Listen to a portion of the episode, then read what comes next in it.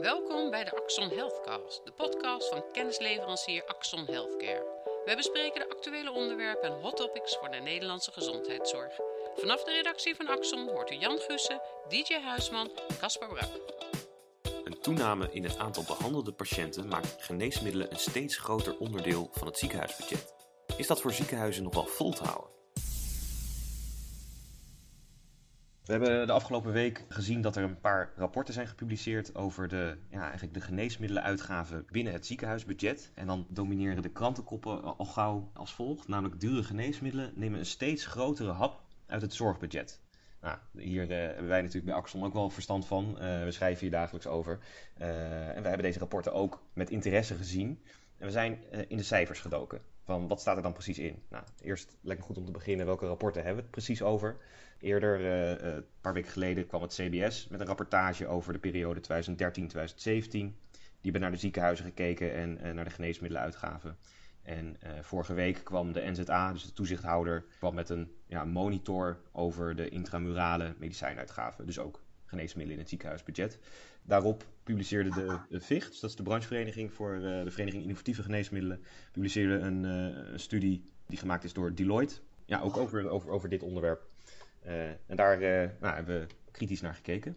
En ik denk dat in aanvulling de reden om er kritisch naar te kijken is natuurlijk dat wat er in ieder geval aan deze rapporten in de media is verschenen en denk ik ook opgepakt is door de politiek, dat, daar, daar komt al heel gauw uit eh, de stijgende uitgaven als gevolg van de ja, stijgende uitgaven aan dure geneesmiddelen. En dat kader blijft al heel snel hangen van het zit in de dure geneesmiddelen.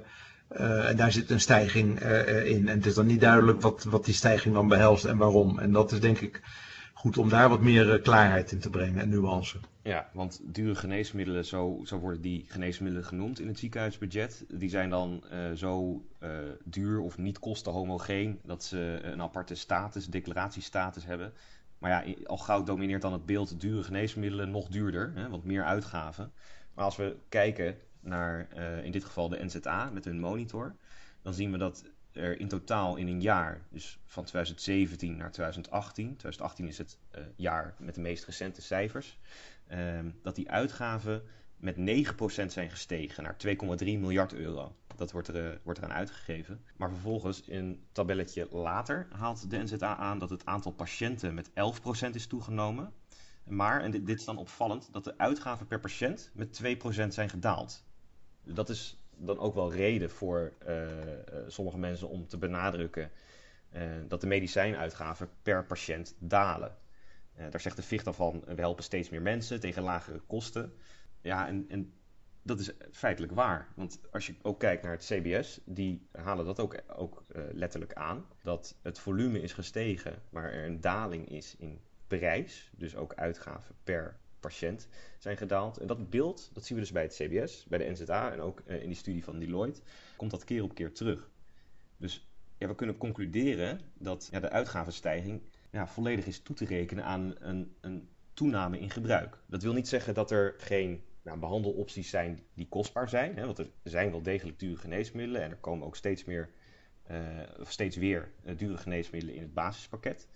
Maar onder de streep zijn de uitgaven per patiënt gedaald. Dus dat lijkt me een, een goede uh, uitgangspunt, een feitenbasis voor ons gesprek. En, wat je daarbij zegt is eigenlijk van, kijk, er komen natuurlijk steeds meer middelen bij waarvan een aantal gewoon uh, behoorlijk geprijsd zijn. Dat, dat blijft op zichzelf natuurlijk wel een uitdaging. Dus uh, ook al daalt even over alle patiëntengroepen de gemiddelde prijs per patiënt feitelijk aan, aan uitgaven voor dit soort middelen. In absolute zin gaat het natuurlijk om veel geld en is er gewoon een stijging van de, van de uitgaven. En ik denk dat de uitdaging vooral zit, is dat er gewoon jaar, ja, jaarbudgetten liggen.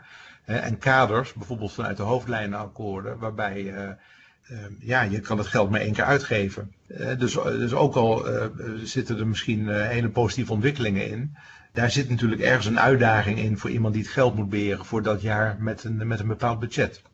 Ja, nou ja, zo kun je er inderdaad naar kijken. Als jij in je ziekenhuis ziet dat dit een steeds groter deel uitmaakt van, uh, ja, van je zorgbudget, hè, van je ziekenhuisbudget, ja, dan wordt dit steeds duurder en daarmee ook een steeds urgenter probleem. Zo zien ziekenhuizen het ook, ook zorgverzekeraars. Dat haalt de NZA ook aan als toezichthouder, dat deze twee uh, organisaties, uh, of als je ze als groep mag aanduiden, dit ook als probleem zien.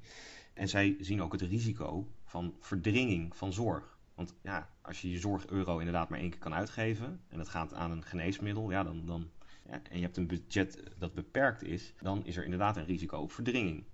Hoe zou je dat duiden, Casper? Want jij, jij haalt verdringing van zorg aan. Dit wordt ook echt door de media ook opgepakt en ook heel snel door de, door de politiek. En dan wordt het al snel vertaald dure geneesmiddelen verdringen andere vormen van zorg. Terwijl we eigenlijk zeggen, ja, maar je ziet dat de gemiddelde uitgaven per patiënt juist dalen. Klopt, klopt het dan feitelijk dat andere zorg wordt verdrongen? Of hoe moeten we dat dan interpreteren? Ja, praktisch gezien is daar geen voorbeeld van te noemen. Daar er zijn ja, geen voorbeelden te noemen waarin, waaruit dat blijkt. Dus dan kan je zeggen, het gebeurt helemaal niet. Of je kan zeggen, ziekenhuizen die gaan er wel creatief mee om. En tot nu toe is het nog niet voorgekomen. Alleen daarom wordt het ook aangehaald als een risico op verdringing van zorg. Want ja, als dit zomaar door gaat stijgen en het uiteindelijk, uh, ik noem maar wat, de helft van je budget gaat uitmaken. Ja, op een gegeven moment, je moet ook je, je personeel betalen. Je moet ook uh, mondkapjes en handschoenen hebben en dat soort dingen. Dus noem allemaal maar op. Het kan niet oneindig doorgaan. Maar dit, dit houdt natuurlijk ook relatie tot het, het, plafond wat is gesteld in de hoofdlijnenakkoorden. Dus dat die volumegroei in 2022 0% moet zijn. Hoe kijken we daar dan tegenaan? Want je, je zou ook kunnen zeggen dat met het huidige plaatje en, en huidige uh, stijging van zorgvraag dat plafond misschien helemaal niet realistisch is. Of misschien juist wel. Het, het zou kunnen, Jan, dat, uh, dat men dat op dat moment niet heeft kunnen budgetteren. Dat er nieuwe technologieën aankomen die uh, een dusdanig prijskaartje hebben dat het misschien het budget niet meer toereikend is. Nou, dat, dat zou, kunnen. Dus, ja, of, dus dat zou in een debat uh, natuurlijk uh, bediscussieerd moeten worden. Maar uh, er is destijds natuurlijk gebaseerd op de technologie zoals die er toen was, is er gebudgeteerd. En misschien dat er nu op basis van personalized healthcare uh, dusdanige te of, de, technologieën aankomen die voor een kleinere patiëntengroep zijn, dat het niet meer toereikend is. Ja, nou, ik, dat, dat, ik denk dat, dat zou zeker kunnen. Ja. En ik, ik denk dat aan de andere kant ook wel dat het natuurlijk Kijk, het, is, uh, het, het, plafond is natuurlijk ook een beetje gesteld om uh, een stukje transitie van zorg ook uit, het, uit de duurdere tweede lijn uh, uit het ziekenhuis te krijgen. Ja. En um, ja, eigenlijk zou je kunnen zeggen van ja, weet je, dat betekent ook dat de zorg zich op een gegeven moment op, op fronten toch anders moet gaan organiseren. Ja. Dat doet een beetje ook de vraag oproepen, waar we natuurlijk ook al eerder over hebben gehad, ook rondom het schrijven van het artikel, van ja, um, de, de beoordeling van, van dit soort middelen, hè, en zeker ook uh, in het NZA-rapport en, en uh, bij het, uh, het, CBS en zo, dat zit eigenlijk toch wel op de uitgaven van de geneesmiddelen, hè, en, maar eigenlijk niet, niet meer dan dat. En je zou eigenlijk willen kijken van, juist met de komst van heel veel nieuwe soortige therapieën, hè, je haalde aan personalized medicine, veel meer targeted kunnen behandelen, um, wellicht maak je daarmee andere vormen van zorg voor diezelfde patiënt juist overbodig. Hè? Met andere woorden, kunnen mensen eerder ontslagen worden uit een ziekenhuis of kunnen mensen uh, ervaren ze minder comorbiditeit of et cetera. Waardoor juist die ruimte voor transitie van zorg er ook is. Hè? Ja. Dus, je, je, dus je moet je misschien met dit soort nieuwe middelen ook versneld anders gaan organiseren en gaan innoveren en dergelijke. En zie je nu een beetje in de, rondom die discussie van verdringen van zorg eigenlijk het effect dat die aanpassing en, en, en het anders organiseren niet snel genoeg meeloopt met de komst van nieuwe technieken en, en middelen die, uh, die dat eigenlijk al wel vragen. En dan loop je eigenlijk met twee stukken budgettering door elkaar heen. Misschien zit ja. daar wel een stukje wrijving ja, het, in. Het is, het is meer health economics dan dat uh, uh, puur naar de kosten van de zorg wordt gekeken.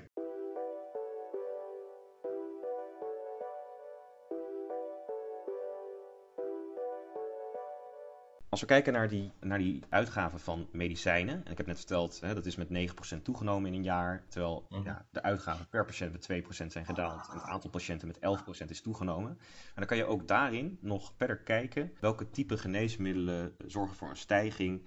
En dan ja, heb je eigenlijk een opvallend beeld, dat halen we ook in het artikel aan. Dan zie je dat ja, bij bijna elke groep geneesmiddelen het aantal patiënten toeneemt terwijl de uitgave per patiënt in nagenoeg elke geneesmiddelengroep daalt. Behalve bij de oncolytica. En dan moeten we wel gelijk aantekenen, dat is de helft van de uitgaven, dus dat is een forse groep.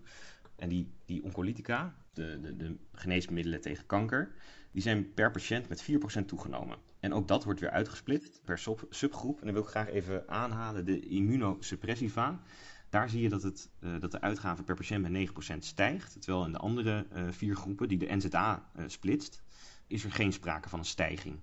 Met andere woorden, het is, het is best wel genuanceerd. Dus als je zegt alleen al de oncolytica stijgen of dalen, dan, dan klopt dat eigenlijk al niet. Is eigenlijk zit een behoorlijk verschil binnen die groep. Precies, en dit is ook juist de groep waarin we de afgelopen jaren ook uh, nieuwe middelen hebben gezien. Uh, er exact, ja, daar, daar zit innovatie. Ja. En dat, ah, ja, zijn, ja. dat zijn middelen die met een hoge prijs op de markt komen op dit moment. En, en voor een kleine patiëntengroep zijn. Precies, dus, en die ook daadwerkelijk, ja, ja, ze worden ook voorgeschreven, ze worden gebruikt. Ze hebben in sommige gevallen ook echt spectaculaire resultaten. Um, ja. Dus ja, dat zijn ook inderdaad met recht innovatieve middelen. Uh, die ja. komen met een prijs, want ze zijn onder patent. Uh, dat is een hele andere discussie, daar kun je de vorige podcast op terugluisteren.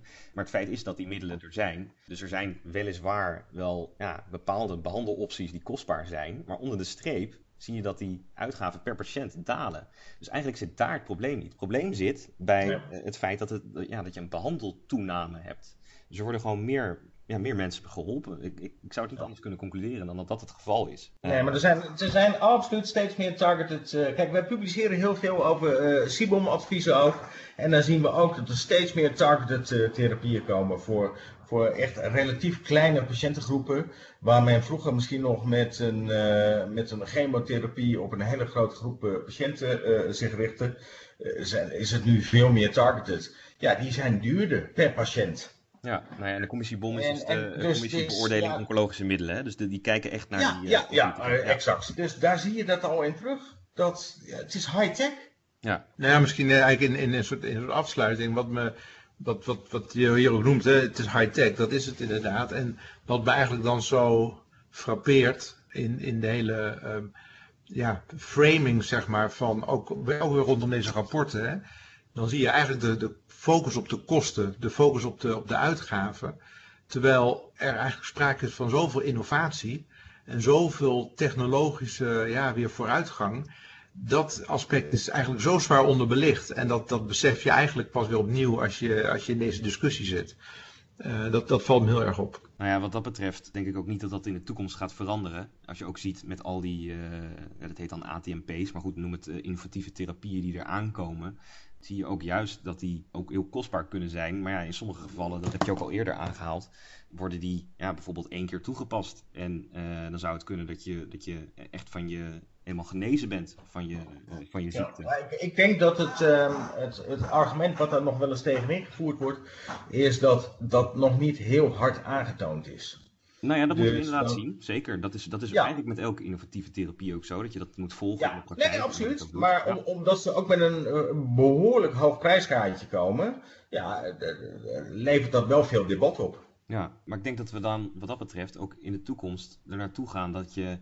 Nou ja, stel dat je in één keer een hoge prijs rekent, dat het het nog meer scheef gaat trekken, dat ziekenhuisbudget. Ja. Dus dan zou je misschien ook wel naartoe gaan uh, naar een uh, pay-for-performance model dus dat als het inderdaad uh, effectief is, dat je dan uh, uitgesmeerd over een periode een eh, vergoeding hebt.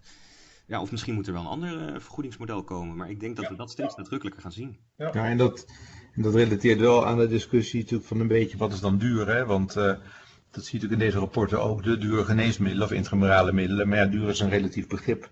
En er zit natuurlijk een, een hele uh, grote promise achter dit soort middelen. Qua technologische vooruitgang en, en innovatie. Uh, maar soms zijn er, eh, ook zoals straks al genoemd, kleine eh, patiëntgroepen en dergelijke. Soms zijn de feiten er gewoon niet allemaal.